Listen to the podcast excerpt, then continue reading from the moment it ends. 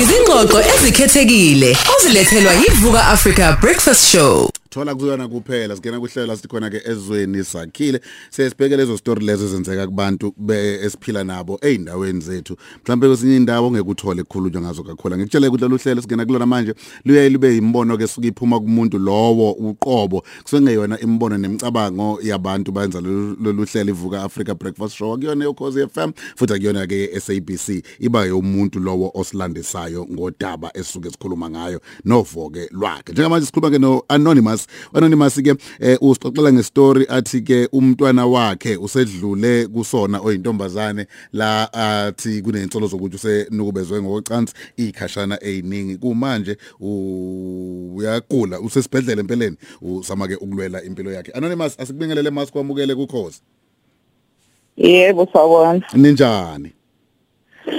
Ngiyaphila. Siyaphila nathi. Ngiyazi ukuthi oludaba lokudaba olubucayima olubhlungu futhi. Siyabonga ukuthi uvuma ukukhuluma ngalo eh, mhlambe ngakuba khona okwenzakalayo. Eh, igama lakho awuzisho sikukhumbuze nalalobo bantu obasolayo. Uthi ingane yakho ibina 13 kwenzekeni kuyona kuze kube la isisesibhedlela manje? Iqale ukudlwengulwa ino 13 uyaphinde futhi ithe savaza lokho uyaphinde futhi ngenyanga elandelayo ngo-August base kwathi ngenyanga elandelayo futhi uyaphinde futhi aphinde kudlengulwa futhi umfana owayehlala sasihlala naye eJaldini hmm. lapho sihlala khona esihlobeni sami eh wayeqashe khona umfana loyo waboshwa ke umfana wamdlengulwa kulesithathu waboshwa wahlala isikhathi singangonyaka ngaphakathi afelwanga ke sethole ibheki ngoba umntwana waya esibhedlela lana la khona u1 week wase wa transfer transferla esibhedlela setrauma hmm. etown hill la ihlale khona hmm. uhlale khona ke lapho inyanga ezintathu ubeke esededelwa ke esebuya wabuya sesengisukile lapha ekhaya ngosimo sokuthi umndeni wabo kamfana wafika lapha ehlobeni hmm. ngenhloso yokuthi uzongamkelisa imali yokuthi bacela ukuthi ngikhiphe umfana ngaphakathi ngisuka icala. Ngabona ukuthi ngoba nomndeni ungasesayidini lalabantu kwakufanele babasophe ngathi sane ngaphuma ekhaya. Ngahamba ngayofuna indawo yokuqasha ngihlalile ke lapho endaweni yokuqasha endaweni la kubesebenzela isigameko.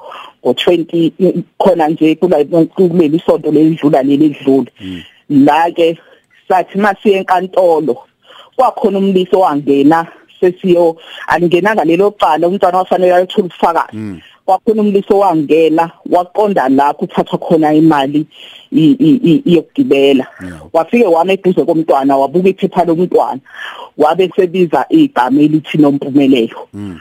Umntwana mingakafike nonompumelelo ke.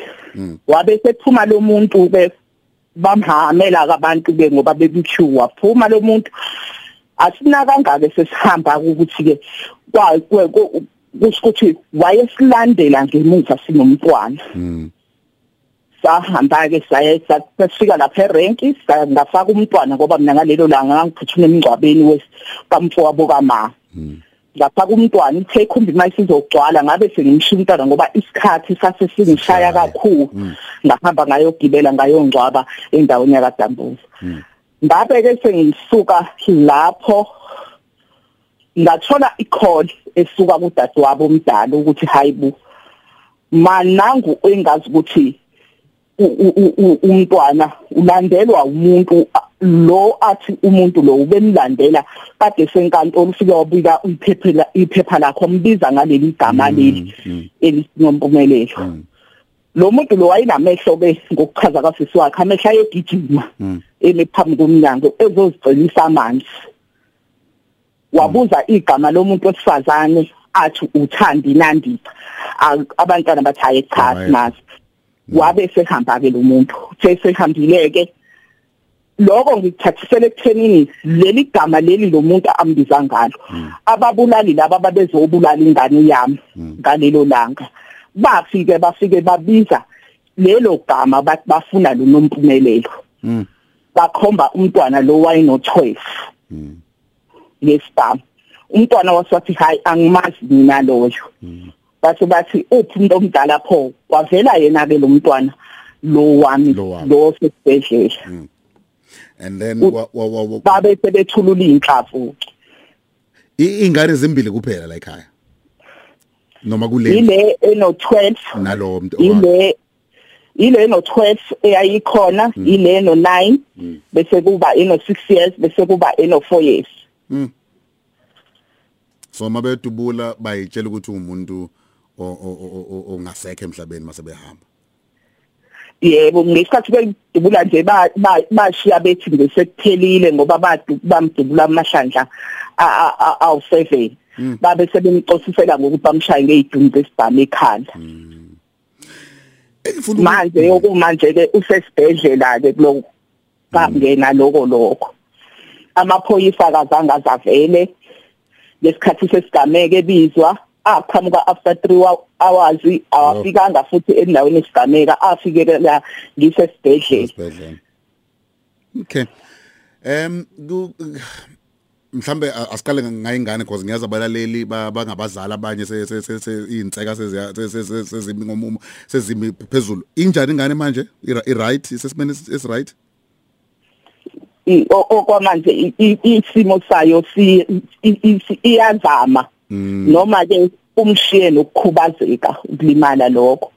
Ngoba ngokwesimo sokuthoiletha ihlavu yalima yamlimaza indawo i- upopopo lo wokuthoiletha uthoiletha nge ngestoma eh isandla lesi ayevika ngaso inhlavu asisasebenzi Ku- ku- kukhona osukuzwile kwabomthetho selokhu senzeka lesehlakalo and ngibuza ngani lokho ngoba na- na- na- nakho lokho izinsolo zokuthi lo wayeboshiwe uphume ngebheli awuzange uzukwazise futhi nangakho. Yebo uphuma ngebheli lo owayeboshiwe.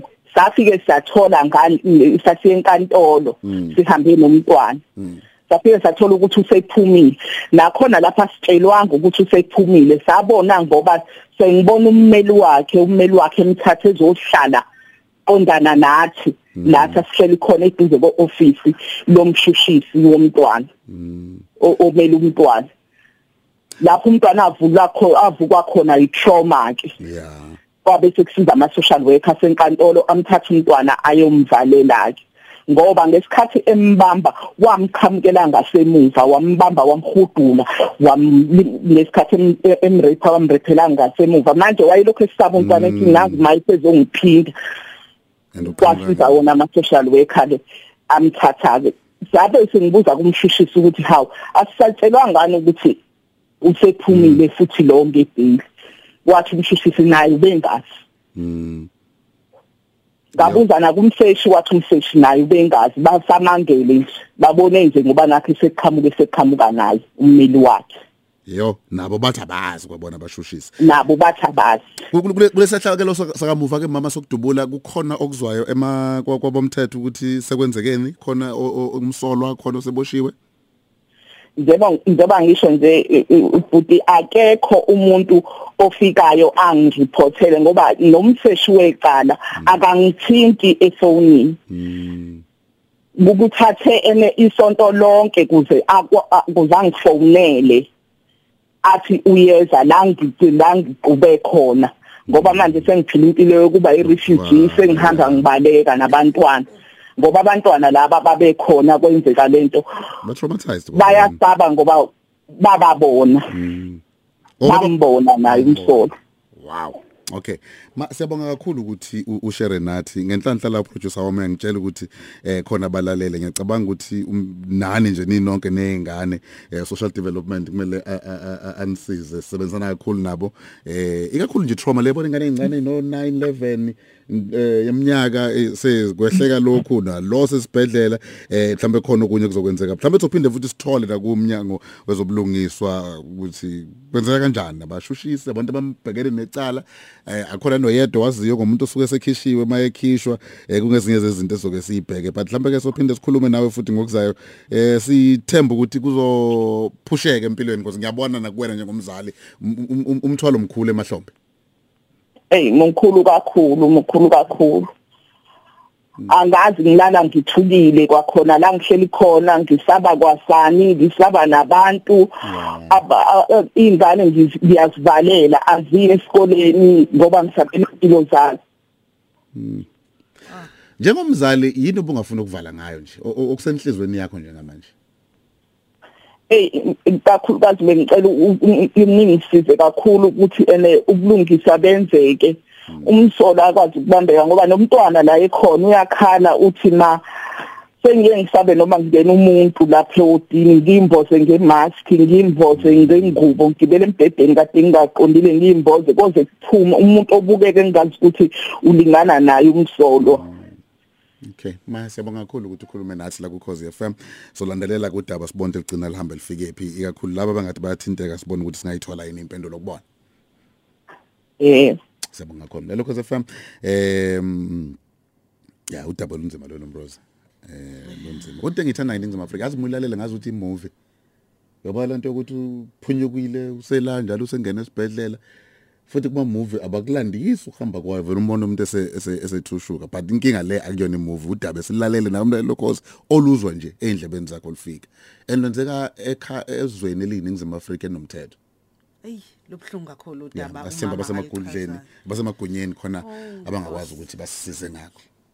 Lobhlungu yeah kunzima kuba umzali lobhlungu andiyeshikwa umzali kunzima ukuba zi- ingane nezingane Yeah. ebhekene nalolu daba.